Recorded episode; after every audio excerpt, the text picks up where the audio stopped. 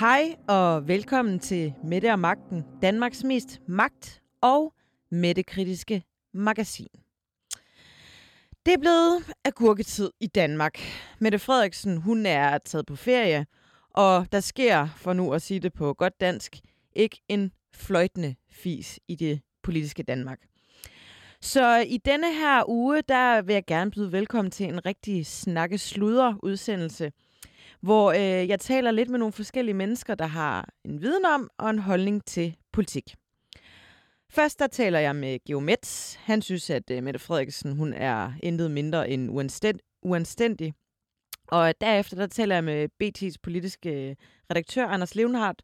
Vi taler lidt om, hvad vi kan se frem øh, til øh, mod et valg.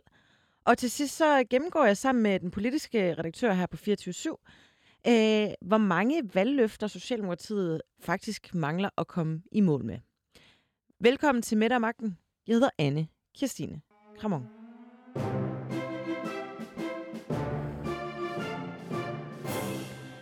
Geo Metz, du er journalist, samfundsdebattør, foredragsholder og en hel masse andre ting.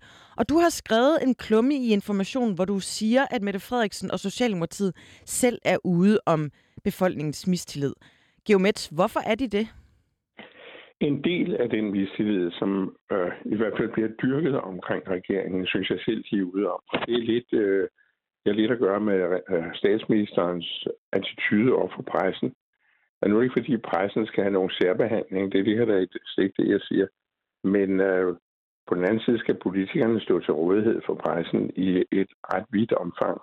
Øh, det det er en god tradition for, og det er også vigtigt for demokratiet, at borgerne hele tiden bliver oplyst på et kritisk grundlag, som pressen kan levere. Og i den henseende er den danske presse sgu meget god. Og øhm, det er, der er ingen grund til at føre et spinregime over for pressen, som øh, man har set i, i det her tilfælde. Nu er jo Mette Frederiksen ikke den første, der gør det. Øh, det skal man huske. Øh, for Rasmussen gjorde det i høj grad.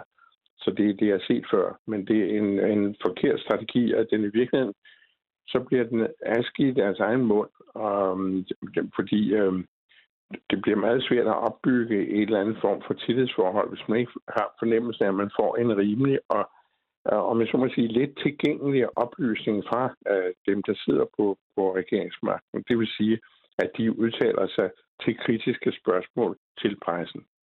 Det synes jeg er vigtigt. Hvem, og det hvem... synes jeg er en fejl. Det, der begår de efter min mening en meget alvorlig fejl. Men hvad mener du med spinregime? Kan du prøve at, at give nogle eksempler på, hvad, hvad, der er, hvad det ligesom øh, indebærer? Jamen, jamen, det er jo noget, du kender fra hele verden, og vi har jo også fået det her, øh, og det har vi jo egentlig fået for mange år siden. Det er igen ved at fremhæve for Rasmus som den første rigtige spin-statsminister, der omgiver sig med en, en garde af spinfolk, som bereder nyhederne til pressen, altså på en, en måde, hvor man kunne sige, hvis man nu er øh, lidt skrabere, så kan man sige spin, det er jo også et øh, andet udtryk for propaganda. Det er jo sådan nogle propagandaapparater, man bygger op omkring ministerierne og omkring statsministeren også, hvor man øh, selv på alle måder prøver at vælge, hvordan man vil præsentere både behagelige og ubehagelige nyheder. Og ofte udlader de ubehagelige, ubehagelige, eller i hvert fald stiller ikke op til dem til interviews, hvor pressen kunne stille uddybende spørgsmål. Og det i længden, efter min bedste overbevisning, er mistillidsskabende. Det var det, jeg mente med det. Men er det ikke også mediernes egen skyld, at øh, medierne øh, går for tæt på og, og vil have, have svar på for mange ting, og at, at det, det bliver sværere og sværere ligesom at, at servicere medierne? Øhm, så man er nødt til at have det her apparat rundt om sig, når man er magthaver? Jo, altså selvfølgelig er der en eller anden form for udvælgelse, der skal ske, og det er jo klart, men det store, det store pres, der er på det, men uh, det kan også blive for meget. Altså det er at finde nogle balancer i det. Det var der ret i det, at man er også nødt til at være lidt for sig som politiker. Men i det her tilfælde er det jo efterhånden så synligt, at regeringen kun udtaler sig om noget, der er fordelagtigt for dem selv, og i mange tilfælde kommer med en eller anden forkølet pressemeddelelse, hvor et um, uddybende interview vil være på sin plads. I øvrigt kan politikerne jo også vælge, hvem de vil udtale sig til. De kan jo, de kan jo godt foretrække at udtale sig til de seriøse medier. Det er der jo ikke noget, der forhindrer dem i. Men Geomets, hvad skal vi gøre ved det? Jamen, det, det ved jeg ikke. Det er, ikke det er sådan set ikke mig, der skal gøre det. Det er jo politikerne selv, der skal prøve at indse, at det ikke var vejen frem. Altså, det, det kan ikke nytte noget, at man begynder nærmest som Trump at opbygge en eller anden forestilling om, at når det er noget med medierne at gøre, så er det nogen, som producerer falske nyheder.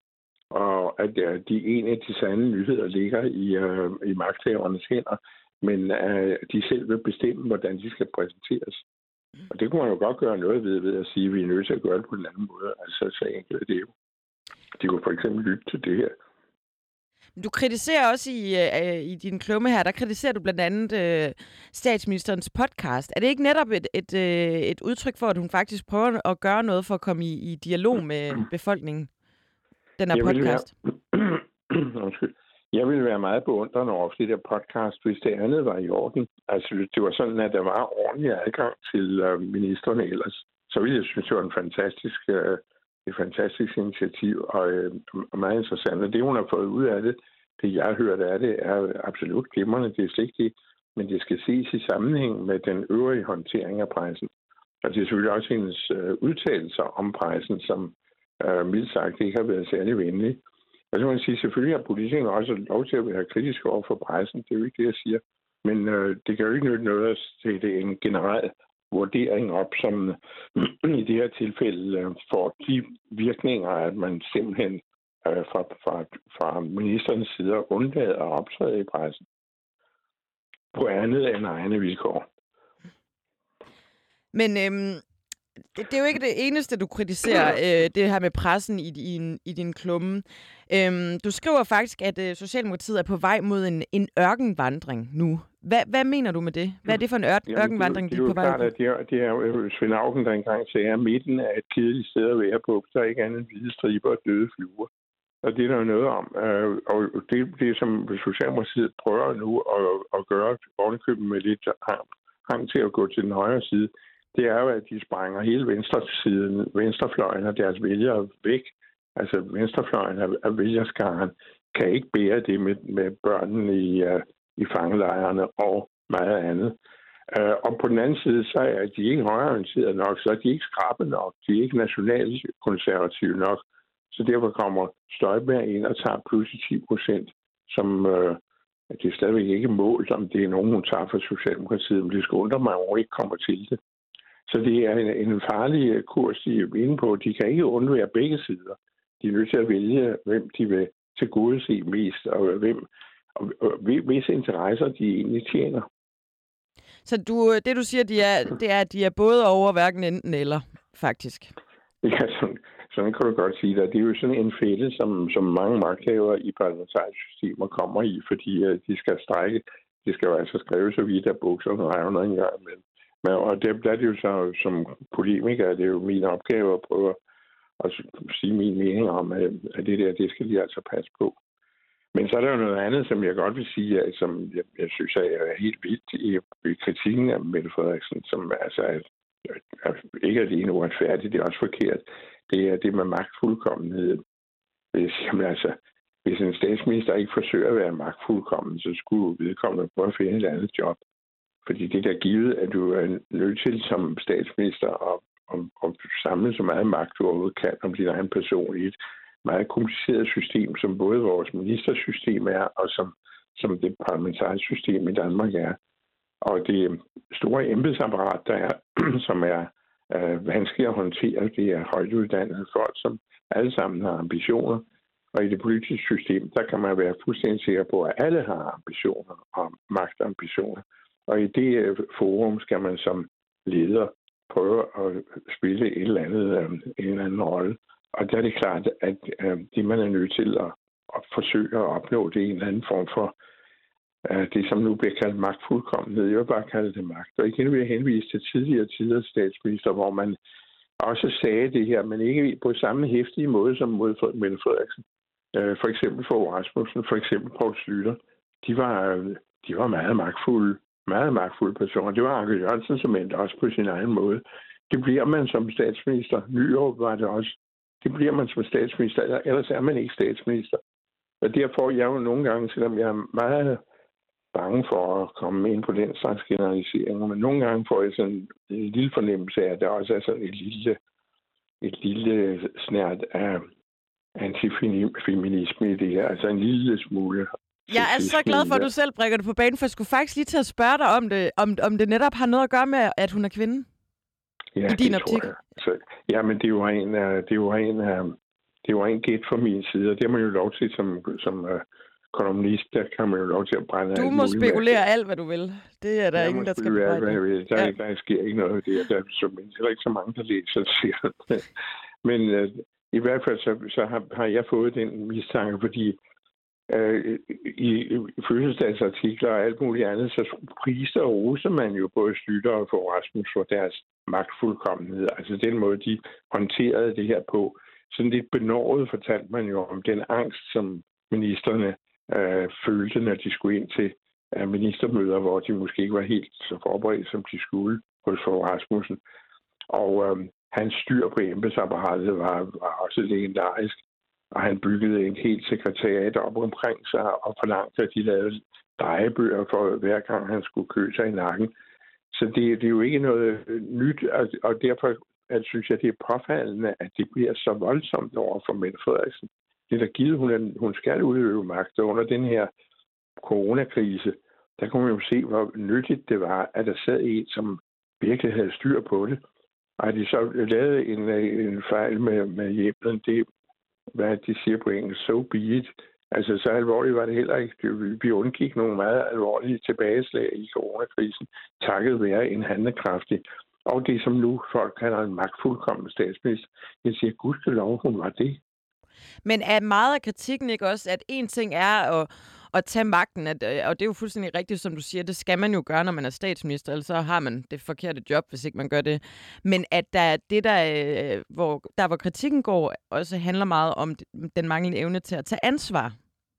At vi jo ikke Jamen. ser en, en statsminister, der stiller sig frem og, og, og undskylder eller be- beklager, eller når hun har jogget i spinaten. At det er der kritikken Mm. ligesom... Nej, men det vil sige, men så kommer den der kommissions, eller den der rapport, der kommer ikke, øh, øh, hvad hedder den? Ja, Min kommissionsrapport. min kommissionsrapporten, som siger, jamen, øh, hun, hun, havde, hun, dem, dem, hun havde sådan set skyld i det her. Hun, var, hun, var, hun vidste ikke, at der ikke var hjemmel. Og så kan man så sige, at det der hjemmel, det er jo også blevet blæst vældig op. Hvad, hvad er det der hjemmelsspørgsmål? I visse, I visse situationer, så er der ikke hjemmel, når man foretager sig et eller andet, i, uh, i, uh, hvor, hvor øje med ikke må forpasses, som det hedder. Det er ikke noget nyt heller. Altså for eksempel kunne man nævne, at dengang man lavede devalueringer, det gjorde man meget i gamle dage, uh, devaluerede kronen i økonomiske krisesituationer. Der var sgu da ikke hjemmel. Hvad betyder kom det? der- Godt være, jeg Ja, ja, i det hvert fald lige skal det forklare. Man, man, man skrev kronen ned for at få konkurrenceforholdene bedre. Det var dengang, der var store betalingsbalanceunderskud. Og, og, og den danske, øh, altså Danmark simpelthen var i økonomisk krise hele tiden. Og det var, det var der mange forskellige grunde til. Men en af grunden til, at man kunne uh, komme lidt op, det var ved at nedskrive kronen. Således at eksporten øh, bliver billigere for dem, der skulle købe varerne, så de købte mere. Det er jo det, man kalder at devaluere. Ja. Og det gjorde man øh, flere gange. Og der var, der var, det gjorde man bare, hvis man begynder at, at prøve at skaffe flertal for det, altså komme ud i offentligheden med det, så mister devalueringen sin betydning. Fordi så går der spekulation i det, og det, skal jeg, det er jeg ikke øh, sagkyndig til at udtale mig om. Men det, det sker på forskellige måder, at spekulanterne går i gang øh, mod, i det her tilfælde, kronen. Og det vil sige, at man skal holde sin mund med det, indtil man har gjort det. Og det, som man gjorde dengang, det var især Per Hækkerup, øh, økonomiminister Hækkerup, der gjorde det. Og der øh, er, er, i hvert fald ved en af lejlighederne, der var det noget, han skaffede sig, han skaffede sig hjælpen bagefter. Altså han sørgede for, at der var flertal bagefter. Han vidste bare, at der var flertal. Og det, det var der ikke nogen, der, der kæftede op om. Så det, det, er, øh, det, det bliver, gjort mere, det gjort, bliver gjort mere mystisk, end det er. Selvfølgelig skal det være i orden i sådan en situation, men det bliver blæst op i forhold til øh, den gevinst, man i givet fald har fået ud af det. Ja, man kan vel sige, at det har været en, en temmelig øh, indgribende øh, handling i, i, i, i hvert fald 1200 minkavlers liv. Så Det at, kan man sige, det var, det var coronakrisen sådan set også på verdensplan. ja, Øh, og der var jo selvfølgelig argumentet, at hvis man ikke fik gjort noget alvorligt ved det, så der ikke blev for mange smittede individer, så risikerede man, at vaccinen ikke ville hjælpe, ikke ville virke. Det var det, der var, der var hele krisens ophav. Og der kan man bagefter sige, jamen det var der jo ikke. Ja, jamen, det vidste man jo ikke i selve udgangspunktet. Der var der god grund til at være panisk. Fordi hvis det skete, så ville verden pludselig stå uden de vacciner, man var ved at udvikle. Og så var man på den. Ikke? Så det, det, er, det er altså, jo den situation, at en, øh, en politisk leder skal ture gå ud og sige, at vi gør det her. Det vil jeg simpelthen nødt til, og så må vi finde ud af det bagefter. Og der, som man også skal sige, det skal man jo også se på som journalist. Var der, øh, var der nogen hensigt, var der nogen fordel for statsministeren i at gøre det? Var der en akt, fik hun fordel ved det, at hun foretog det der? Nej, det, gjorde hun, det, det fik hun ikke. Det var jo ikke med et statskup for øje. Det var jo ikke sådan, at hun ville, om jeg så må sige, suspendere hele det øh, politiske parlamentariske system i Danmark. Det lå der jo ikke i det. Men vi kan jo, og vi kan jo konkludere i hvert fald, at det ikke er noget, vælgerne ikke kan tilgive. Øh, Nej, det, det kan godt være, at øh, jeg havde øh, i, i, øh, i udsendelsen i sidste uge talt jeg med en, med en forsker fra Aarhus Universitet, der netop har, har kigget på øh, tilliden til øh, øh, politikerne til regeringen efter, eller i dagene før Mink-kommissionen udkom, øh, og, og dagene efter, og der var ikke en, en nævneværdig forskel i den måde, øh, danskerne øh, har tillid til deres øh, politikere på. Nej, det har du ret i. Der er åbenbart en, en vis forståelse for, at øh, hvor der handles, der spise, og at det ikke er særlig vigtigt i virkeligheden. At det er, det er en, mindre, en mindre ting, selvom det virker forfærdeligt stort, når de, folk begynder at tale om grundlovsbrud og alt muligt. Jo, jo, det sker jo. Altså, shit happens, ikke? Men det er jo ikke, det er jo ikke noget, som, som har konsekvenser på nogen måde. Nej, men man kan Eller, vel også argumentere for, at det kan, kan blive, øh, ja ja, shit happens, men det kan også blive en slippery slope, at så sker jo. det en gang, og så kan, nå ja, hvad jamen, gør det så, gør, det sker det, igen? Det, det, jamen, det gør det ikke. Altså, det, det, det, det er ikke noget, der skaber præsident. Det kan jeg love dig for. Så magtfuldkommen i hvert fald, der, det synes du ikke, hun er. Men du skriver dog i din klumme, at, øh, at du mener, at Mette Frederiksen øh, bevæger sig tættere og tættere på uanstændigheden. Ja, hvad? Undskyld, det fangede ikke det sidste. Øh, du, ja. du skriver i din klumme, at Mette Frederiksen bevæger sig tættere og tættere på uanstændigheden. Ja, men det er jo fordi, jeg taler om øh, den der øh, læflen for, øh, om man så må sige, det fremmedflertallet, havde jeg sagt, ikke? Altså der, hvor man fornemmer, at øh, de følsomme vælgere for Socialdemokratiet bevæger sig. Og det er jo sådan noget som det med, at man ikke kan hjemkalde øh, nogle kvinder og nogle børn. Og forstår du i det, ligger der jo noget præsidentskabende. Der ser man pludselig alvoren i det, og der ser man jo også hensigten og akten bag. Og det har jeg mindre forståelse for det andet. Det man siger, det er jo et rent humanistisk krav. Det er jo et, et menneskekrav, at de der øh, åbenbart vilde kvinder, som man jo så må på en eller anden måde bringe for en domstol, og nogle børn, som er døende, for man ovenkøbet at vide, dem, der er sagkyndige, har været nede og se på dem. At man ikke får det bragt i orden, det har jeg ikke, øh, det, det kan jeg ikke, det, det synes jeg ikke er, er godt. Nej, du skriver... Og det er derfor mine hårde ord. Ja, men du skriver faktisk, at de svigtede øh, socialdemokratiske vælgere har oplevet Mette Frederiksen uden tøven tage hele den socialdemokratiske arv og tradition, resterne efter Torning, sæd og skik for humanisme, viden og ordentlighed for, over for udsatte og fremmede, og så hun hældt hele muligheden i usorteret affald. Ja, det, er jeg også, det synes jeg også er rigtigt. Altså, ja. jeg, altså, jeg, jeg, jeg ikke skrevet det. Nej. Men det skal jo også ses i sammenhæng med retspolitikken, som jeg synes, de har givet køb på ikke mindst den afgåede justitsminister. Øh, jeg synes, at man skal være meget varsom med at øh, begrænse øh, borgernes rettigheder og, og det, man kalder retssikkerheden i bredere forstand. Der synes jeg, man er gået, at de er gået alt for langt på en hel række områder. Hvilke områder andet, kunne det være? Jamen, det, det er jo blandt andet, at man lægger, de lægger alt for meget vægt på for eksempel, at øhm, om, hvor, hvorvidt statsborgerskabet er det afgørende for en øh, rimelig behandling af et menneske, og ikke øh, afgørende. Og der har de gjort det til afgørende at sige, at øh, dem, vi, har, vi har frataget dem statsborgerskabet, altså har vi ikke noget ansvar overfor dem. Vi har ansvar over for børnene, og dem tager vi gerne hjem. Og det er jo, det er jo en umulig situation. Øh, det kan man jo være sige, det kan man jo ikke. Mødre kan jo ikke afgive deres børn på den måde. Hvordan skulle de gøre det?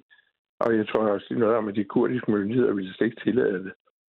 Og det er, jo, det er jo en af eksemplerne på det, hvor et, et, et retssamfund kan gå i opløsning indenfra.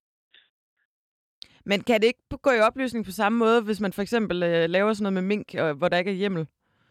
Nej, det synes jeg ikke, fordi at, som jeg sagde før, så er der en helt klar uh, hensigt i øjeblikket, som er, uh, om man så må sige, overtrum for alt andet, nemlig det, som jeg siger, øjemidlet må ikke, uh, øh, man skal, om jeg så må sige, tilgodese øjemedets interesse. Altså man skal handle, fordi man er nødt til at handle i nuet. Og der tilsidesætter det, efter min mening, et kort øjeblik det principielle. Og så kan man bagefter sige, husk nu en anden gang og spørg rundt i lokalet, er der hjemmen for det, vi gør? Er, er, er flertallet hjemme? Har vi foretaget os det, vi skal, når vi laver den slags øh, regeringshandlinger? Øh, det skal man selvfølgelig så sige.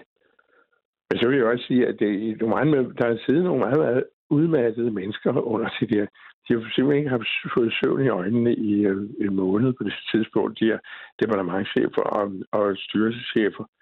Og der sidder de omkring en rundt bord og falder alle sammen i søvn indvendigt på én gang. Og sidder med åbne øjne, så de lært som unge embedsmænd. Det, det skal man med lange møder, hvor man alligevel ikke har det ord, skulle have sagt. Der kan man godt sove med åbne øjne. og så sidder de og vågner efter tur og tænker, hjemmel, er der nogen, der har ordnet det med hjemmel? Og så tænker de, og det har de andre nok ordnet. Hvis jeg siger noget, tror de, jeg er idiot. Og så siger de ikke noget. Og det gælder dem alle fire, der sidder der. Altså, nu skal man jo også huske på, at der er en menneskelig faktor i det her. I det andet tilfælde med børnene for eksempel, eller når man laver retskrænkelser, retssamfundskrænkelser, så har man jo en klar hensigt og en klar, man har en klar, et klart mål med det, at man vil begrænse for eksempel de menneskers rettigheder. Man går altså efter et klart retsbegrænsnings øh. Og det, det er jo noget øh, helt andet. Det er jo, der, der, du kan ikke sammenligne de to ting, synes jeg. Nej, det, øh, det, vi kommer det i hvert fald ikke nærmere nu. Øhm, Geomet, journalist, samfundsdebattør og foredragsholder. Tusind tak, fordi du lige vil være med til at tage temperaturen på Socialdemokratiet i de her Jamen, det er fint. Det er godt.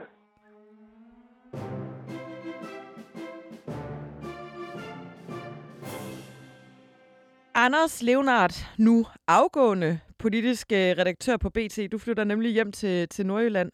Ja, ja. Og du har faktisk sidste arbejdsdag i dag, hvor du har valgt at tilbringe den her i middag af magten. Ja, jamen det, jeg slutter jo stort af. Ja, men det er jo det. Jeg slutter stærkt der. Du skal op og, og lave, øh, lave øh, tv på TV2 Nord. Ja, ja. Og net og digitalt, det bliver jo moderne, de der regionalstationer også. Så, så det, øh, det, får, øh, det får noget spark op. Det lyder meget moderne i hvert fald. Anders, øh, men mens du stadig lige er politisk redaktør, hvornår, øh, hvornår kommer der et folketingsvalg? Uha, jamen altså, ja, hvis man sådan ikke snakker konkret dato, men lidt bredt, så vil det sige september. Øh, hvis man skulle gætte på en dato, så tror jeg ikke 20. september, tirsdag den 20. september, det er helt dumt. Øh, vi ved jo, radikale, de var ude og ligesom kræve et valg, det vil sige, at Mette Frederiksen har til den 4. oktober til at udskrive valget jeg tror nu, hun gør det noget før. Jeg tror, hun gør det i slutningen af august. Øh, de har jo cirka midt i august har de det her sommergruppemøde, hvor de vil fremlægge deres 2030-plan.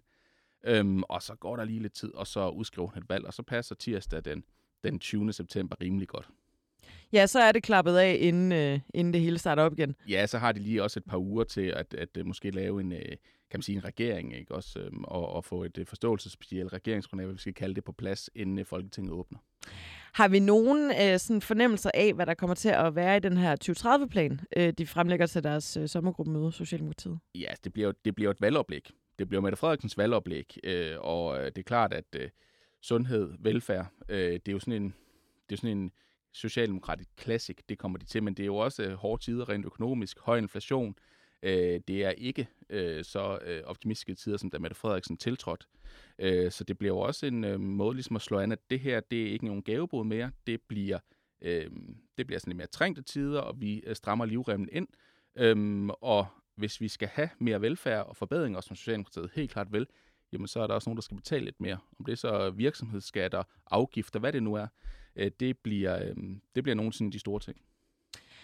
Øhm, ja, altså, det bliver i hvert fald spændende, og det er jo sådan en lang, det der gætteleg, og man bliver nærmest også lidt træt af sig selv med, at vi sidder og gætter, og hvad kommer der så til at ske, og hvilken dag bliver det? Jeg så, at Lars Lykke, han tror, det bliver den, den øh, 6. september, ja. det bliver udskrevet. Øhm, så, så der er gang i, i, øh, i gættelejen øh, flere steder.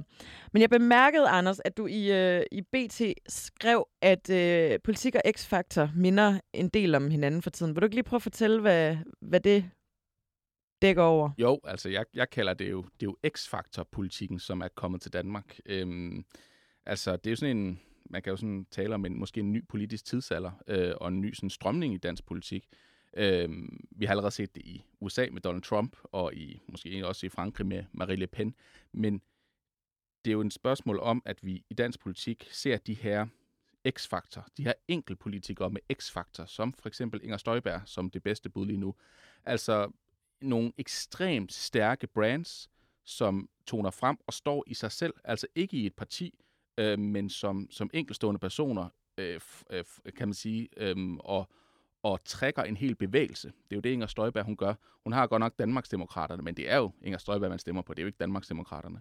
Øhm, og hun trækker den her, det er jo så mere sådan et, et udkantsoprør, eller et, et oprør mellem den her sådan, det her, de her fine salonger i København osv. Øhm, og altså den første måling, der står hun jo til, til 10 procent øh, af stemmerne.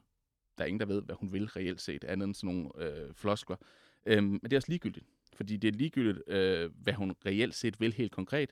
Det betyder ikke så meget dansk politik mere. Det er, øh, det er signalet, det er bevægelsen, det er retningen, øh, og det er frem for alt det her brand. Øhm, og det, øh, det er altså noget af det, der kommer til at afgøre valget. Øh, det er simpelthen de her fænomenpolitikere, eller politikere med x-faktor. Så det, det du øh, øh faktisk siger, det er, at det er det der med at genopfinde eller opfinde sig selv. Øh, øh, og i virkeligheden, jeg tænkte faktisk også over, at både Støjberg og Lars Lykke jo på en eller anden måde er ret smarte, fordi de visker jo også meget tavlen ren ja. med det, de gør. Når man, øh, når man kommer, øh, de, de kommer bravende ind som fuldstændig rene, nye, kan tillade sig øh, øh, at sige og gøre en hel masse, så, hvilket jo fungerer rigtig godt i en valgkamp, øh, at man kan gå lidt ud over ud over øh, øh, øh, grænserne øh, øh, øh, i forhold til, hvad man for eksempel kan i Venstre eller Socialdemokratiet, hvor der er lidt sådan strammere ramme, rammer, men også øh, altså renvasker sig selv for alt tidligere politik, de nogensinde har ført. Øh, de skal ikke stå til ansvar for noget som helst, fordi de er, er nu hoppet over i, i et nyt parti. Nej, det er jo det, man kan sige, pressen, de prøver jo selvfølgelig at, at kan man sige, udstille noget af det hyggeleri, der også er øh, i de her, hvor, man, hvor Lars Løkke lige pludselig siger, nu vil jeg lave et opgør med blokpolitik. Ja, men hvem er det, der har praktiseret den i, i 10 år? Øhm, så, så det prøver pressen jo, men det er, altså, de her bevægelser eller fortællinger mod det etablerede, altså øh, mod det eksisterende politik, den måde, man driver politik på, den øh, måde, som samfundet fungerer på, øh, det kan de med meget, meget stærke personligheder, de to, vi snakker om her, ligesom drive, og det er noget, der virkelig kan tiltrække vælgere, og også jamen, altså Støjbergs brand, som jo nok er det stærkeste i, dansk politik, øh, det kan jo potentielt skubbe Dansk Folkeparti helt ud. Øh, selvom at dem, de 10 procent, der overvejer at stemme på hende, sådan så det ikke rigtig ved, hvad hun vil helt konkret. Altså, bliver, betragter man hende som en reel trussel? Altså, tror du, man sidder og holder møder og tænker, hvad fanden gør vi nu øh, rundt omkring i DF, men også i Socialdemokratiet? Ja, ja det, de, de er i hvert fald idioter, hvis de ikke øh, betragter hende som trussel. Altså, jeg ser egentlig øh, Inger Støjberg og Danmarksdemokraterne som den afgørende faktor for, om kan man sige, flertallet kan skifte fra rød til blå. Fordi der er mange, der snakker om, at dansk folk, der hugger hun stemmer, hun hugger stemmer for venstre. Ja, det gør hun også. Men hun, der er også rigtig meget, øh, kan man sige, øh, overlap til noget af det, den der sådan form for socialdemokratisme, som Mette Frederiksen står for. Altså, øh, Inger Støjberg omfavner Arne-pension, og de der kan man sige, mennesker, der står på slagterierne ude i, øh, ude i landdistrikterne, dem, som arbejder i produktionsdanmark, dem appellerer hun faktisk rigtig stærkt til, og det er jo egentlig Mette Frederiksens kernegruppe. Så det interessante bliver jo, om Inger Støjberg hun stiller op i Nordjylland, det tror jeg helt sikkert, hun gør. Så bliver det sådan en dronningekamp mellem Inger Støjberg og Mette Frederiksen, og det bliver jo noget af det, der kan afgøre valget, det bliver jo faktisk den tvekamp mellem dem i, i Nordjylland. Jamen, det bliver meget, meget spændende, og man kan jo også forestille sig, at der er nogle sådan mekanismer, der gør, kommer ind og gør sig gældende med, at nu har vi gloet på Mette Frederiksen i fire år. Vi forbinder hende også med noget, en masse corona, og øh, øh, øh der er også noget krig, der kører nu. Vi forbinder, altså, at hun bliver ligesom øh, noget, vi forbinder med, med meget dårlige tider, hvor at man kunne forestille sig, at Inger Støjberg jo netop kommer ind og er noget andet. Ja, altså grunden til, at der er plads til de her fænomenpolitikere, X-faktor-politikken, øh, det er jo, at de etablerede partier og det etablerede system ikke formår at løse grundlæggende problemer. Vores øh, sundhedsvæsen er stadig elendigt, øh, og de problemer, som er åbenlyse, har man ikke løst. Det har man skudt til hjørne fra den socialdemokratiske regering. Øh, man havde jo en sundhedsreform, som jo øh, hverken gjorde fra eller til. Øhm, og øh, der er også andre ting i forhold til den her, det her øh, kan man sige, forhold mellem land og by og så videre, som Støjberg spiller på. Der er blokpolitikken, som Lykke øh, laver et oprør mod. Der er sådan en masse ting, som der er masse i befolkningen, som ikke føler sig hørt, og så er der det her med, at de vi, jeg ikke formår at løse nogle af de vigtige problemer, øh, hvad koster klima og så videre. Og hvis, øh, når der er de elementer og, og de mangler i de etablerede partier, jamen så kommer så er der en plads til de her fænomenpolitikere, til X-faktor-politikere, øh, de her outsider, som kommer udefra. Også selvom, at når det kommer til stykker, så kan de måske ikke rigtig gøre mere øh, på nogen måde end de etablerede partier, men danskerne, de tyr jo til outsider, når de etablerede ikke kan klare opgaven. Ja, og det er vel, øh, altså når man bare kigger på, øh, det er the perfect storm vel på en eller anden mm. måde i forhold til, øh, til de her outsider, at de ligesom, øh, de får de perfekte forhold til at samfundsøkonomiske, øh, internationale forhold, der, der sejler lidt. Og, ja, ja, og der er jo nogle faldende tillid, altså der er jo rigtig faldende tillid til, til, øhm, til politikerne øh, og de etablerede partier. Øhm, der er mange, der er trætte af den her form for indstuderet, skuespilleragtig blokpolitik, der, der foregår. Øhm, og øhm, det kan man sige, tonen, øh, og selvfølgelig også sådan en ting som Mink-sagen, det er jo heller ikke noget, der gavner vores sådan, retsfølelse eller sådan demokratiske tillid til, øh, til magthaverne. Øhm, og det er jo noget af det, som sådan en som Inger Støjberg, hun ville kunne spille på op i Nordjylland, ikke også? Altså, den her Mink-sag, øhm, hvordan det er jo sådan en måde at spille bold op af Mette Frederiksen øh, og alle andre socialdemokratiske kandidater. Øh, og det er jo sådan også et, et springbræt for Inger Støjberg til at kunne, kunne høste endnu flere stemmer, vil jeg tro. Noget andet, jeg lige bemærkede øh, i den her uge, det er, at, øh, at Venstre jo har fredet øh, Arne-pensionen. Ja. Øh, hvad, hvad betyder det? Altså Venstre, de freder jo Arne-pensionen, ja. Øh, jeg synes egentlig, det er meget klogt, de gør det.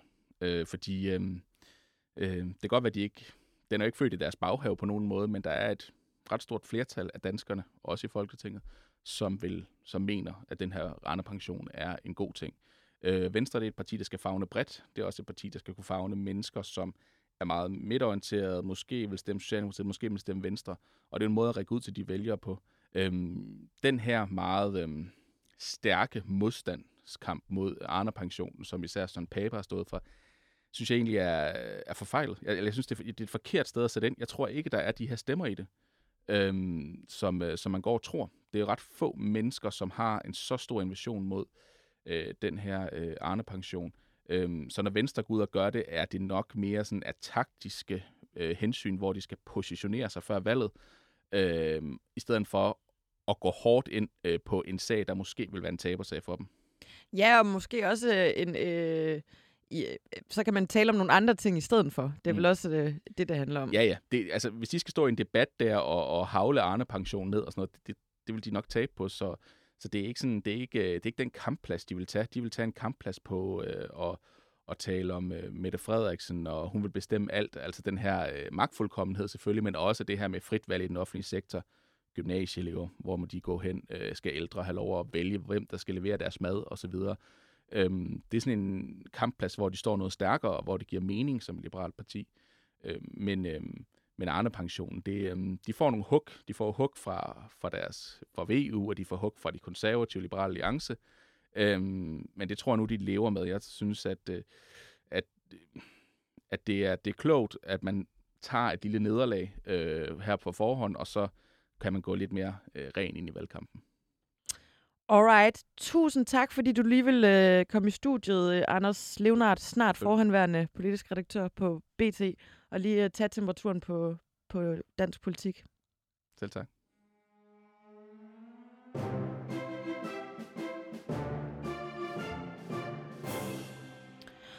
Og øh, den næste gæst, som jeg ligesom skal sludre videre med i det her sludderprogram, det er den politiske redaktør her på kanalen, Emil Winkler. Velkommen. Tak skal du have.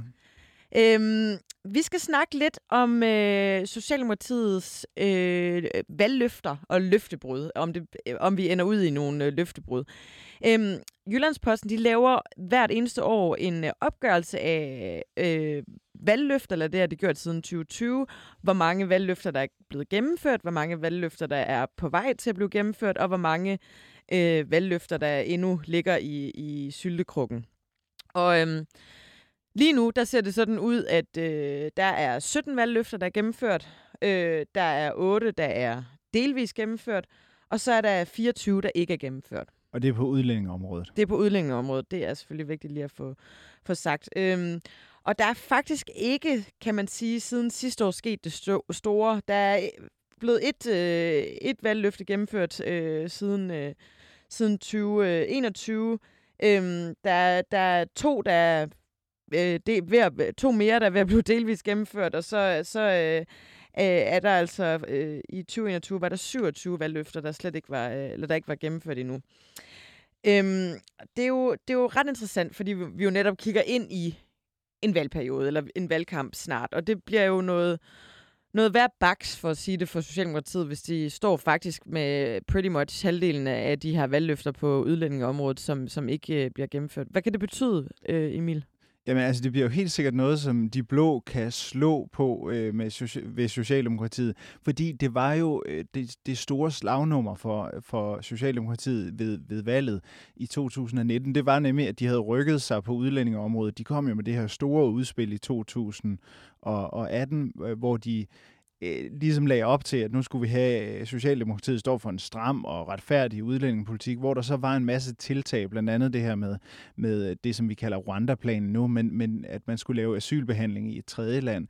Så det betyder enormt meget for Socialdemokratiet, hvordan de står på udlændingeområdet. Ja, og lige præcis den her Rwanda, som jeg ikke kan finde ud af at sige af en eller anden mærkelig grund. det her udrejsecenter i et afrikansk land, kan vi kalde det det.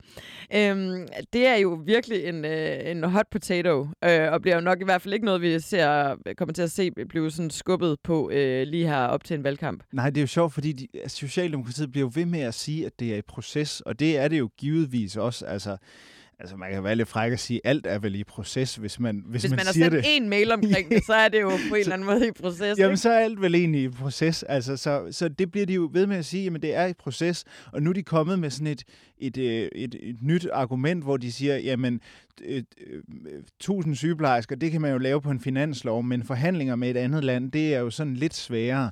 Og det, det er jo det, som de, bryst, øh, som de bruger nu som argument. De siger, jamen det her afhænger jo egentlig ikke kun af Danmark, det afhænger jo også af velvilligheden fra et, et andet land, og øhm, man kan jo tvivle på, at det her nogensinde kommer til at ske. Ja, altså, og det, det blev, der er jo, øh, nu har vi også været lidt øh, inde på det tidligere ud, i udsendelsen, men, men lige præcis det her udlændingeområde er ret interessant også for Socialdemokratiet. Øh, vi ved, at øh, omkring 80.000 mennesker skiftede fra Dansk Folkeparti til Socialdemokratiet i øh, øh, i valget i 2019. Og nu har vi jo den her X-faktor, der hedder Inger Støjberg, som lige pludselig er kommet på banen, som også gerne vil byde sandsynligvis på nogle af de her ting. Øh, om hun kan kabre øh, den store lunds, der ligesom vandrede til, til Socialdemokratiet øh, tilbage øh, til Blå Blok. Altså, jeg tror helt sikkert, at øh, Inger Støjberg, hun også kommer til at satse på nogle af dem, som vi kalder de blå bjerner. Altså nogle af dem, som kan svinge mellem Socialdemokratiet og Venstre og så, og så Dansk Folkeparti. Dem, dem kommer hun også til at tale ind til. Hun har jo blandt andet sagt, at hun går ind for en Arne-pension nu. Det er Venstre så også. Men, men det, er jo, det er jo blandt andet sådan nogle meldinger, der kan få hende til at være attraktiv også for socialdemokratiske vælgere. Men vi skal huske på de her, øh, når vi kigger på de her valgløfter, at det vigtigste for Socialdemokratiet, det er bare, at udlændingepolitikken ikke er blevet lempet. Altså, så det kan godt være, at der er nogle løfter, som ikke er blevet indfriet endnu, men de kan sige, jamen det er i proces, for eksempel den der Rwanda-plan der, den er jo i proces, og vi forhandler på livet løs, og det sker om et år, eller så sker det om to år. Altså, øh, de foregiver ligesom, at de hele tiden når et skridt videre. Men hvis man begynder at kunne pege på nogle lempelser, de har lavet i udlændingepolitikken, så bliver det rigtig farligt for Socialdemokratiet. De har blandt andet lavet øh, sådan et øh, tilskud til børnefamilier øh, på, øh, på, på øh, ydelser, på lave ydelser, hvor de får et tilskud, hvis de, hvis de har nogle børn. Og der er det jo, at Venstre og Dansk Folkeparti siger, jamen det går jo til de arbejdsløse indvandrere. Og det er jo for så vidt korrekt, fordi der er jo øh, arbejdsløse indvandrere, men det går jo altså også til, til andre øh, befolkningsgrupper, som, som er på de her ydelser.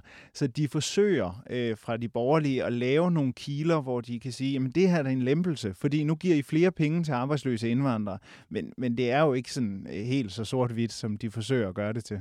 Nej, men sådan bliver det jo nok bare i en valgkamp i hvert fald. Øh, øh fremsat som. Men de har jo faktisk også et af de løfter, som ikke er blevet øh, øh, gennemført, apropos øh, øh, det her kontanthjælpstilskud, øh, øh, tilskud, der, der er også et løfte om en 37 timers arbejdspligt, øh, for, øh, altså, som var et tiltag for at få især ikke-vestlige kvinder ud af hjemmene og ud på arbejdsmarkedet.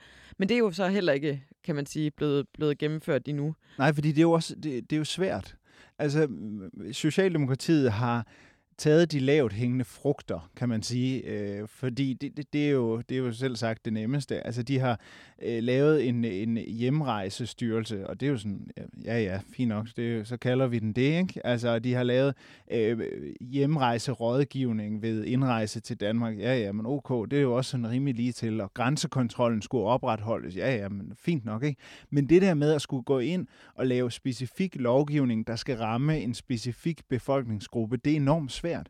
Det er ikke sådan bare lige til, og det er heller ikke lige til at lave et øh, asylbehandlingscenter i et eller andet tredje land. Så nu har de høstet de lavt hængende frugter.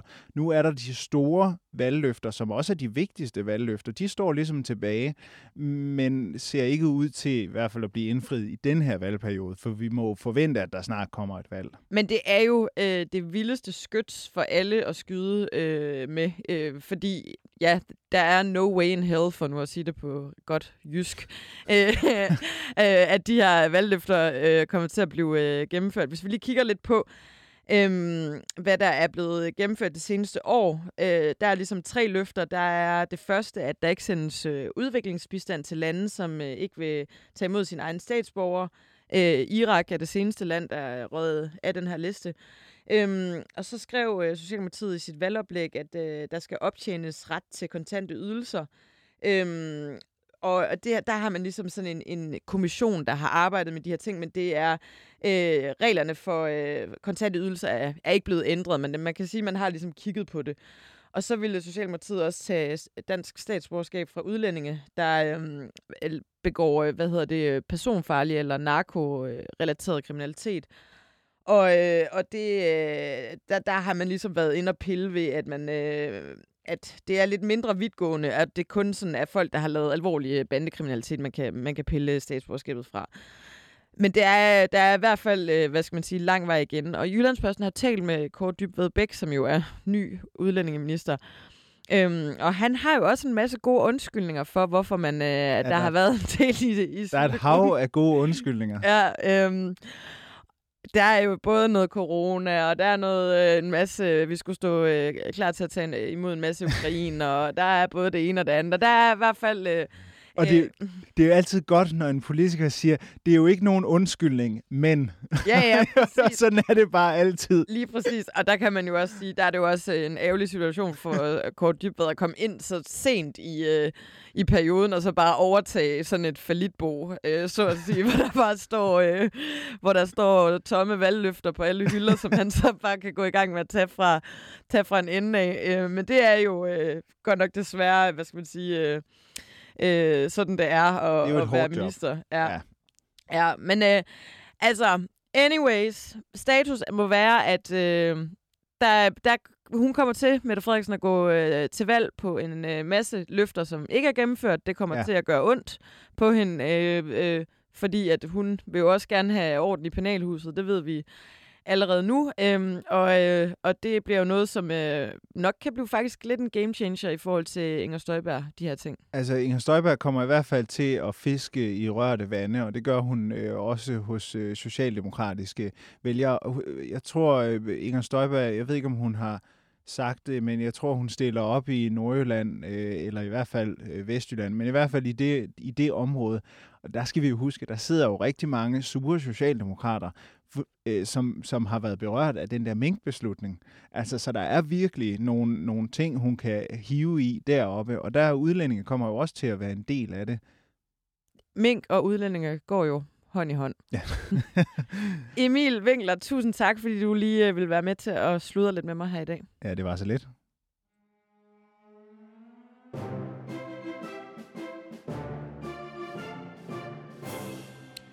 Og så skal vi jo som sædvanligt til ugens Astrid. Øhm, den går i den her uge til alle de mange folketingspolitikere og i særdeleshed socialdemokrater, der foregiver at elske sport for at være folkelige. Jeg tror ikke, jeg nogensinde har set noget mere patetisk end øh, erhvervsminister Simon Koldrup og hele hans ageren omkring Tour de France. Det var så pinligt at se ham på Instagram sidde i den der Tour de France følgebil og have det så vildt over sig selv. Som sådan et eller andet ADHD-barn på slush ice og matador mix. Det burde helt seriøst være forbudt for voksne mennesker at opføre sig på den måde på sociale medier. Og så vil jeg gerne også lige øh, ret opmærksomheden mod øh, Magnus Heunicke. Han er nemlig i Frankrig, og ved I, hvad der sker nede i Frankrig? Jamen, øh, der bliver faktisk kørt noget Tour de France til dem, der ikke øh, har opdaget det. Og ved hvad der også sker nede i Frankrig? Ham der, Jonas Vingegaard, han er nemlig øh, i en avis dernede, og det er bare noget af det mest fantastiske, som Magnus Heunicke, han nogensinde har oplevet. Fordi at han sidder jo faktisk lige dernede i Frankrig, hvor øh, Jonas Vingegaard både er i avisen, men også alle han møder, de snakker kun om Jonas Vingegaard. Øhm, og så kalder Magnus Heunicke ham guddømer fra, for kong Jonas. Det er blasfemi. Helt ærligt, styr jer. Det er ikke til at holde ud og glo på voksne mennesker, der opfører sig på den der måde. Så altså, sportsgale, socialdemokrater, det er ugens Astrid. Stop det. Vi vil ikke se på det. Gør det derhjemme for nedrullede gardiner. Hvorfor skal vi involveres i jeres øh, sportsgakkelak? Det har vi faktisk overhovedet ikke lyst til. Skru ned. Sæt jer ned. Bare øh, opfør jer som voksne mennesker. Og så vil jeg gerne sige tak til dig, fordi du lyttede til Med og Magten. Jeg hedder Anne Kirstine Kramon.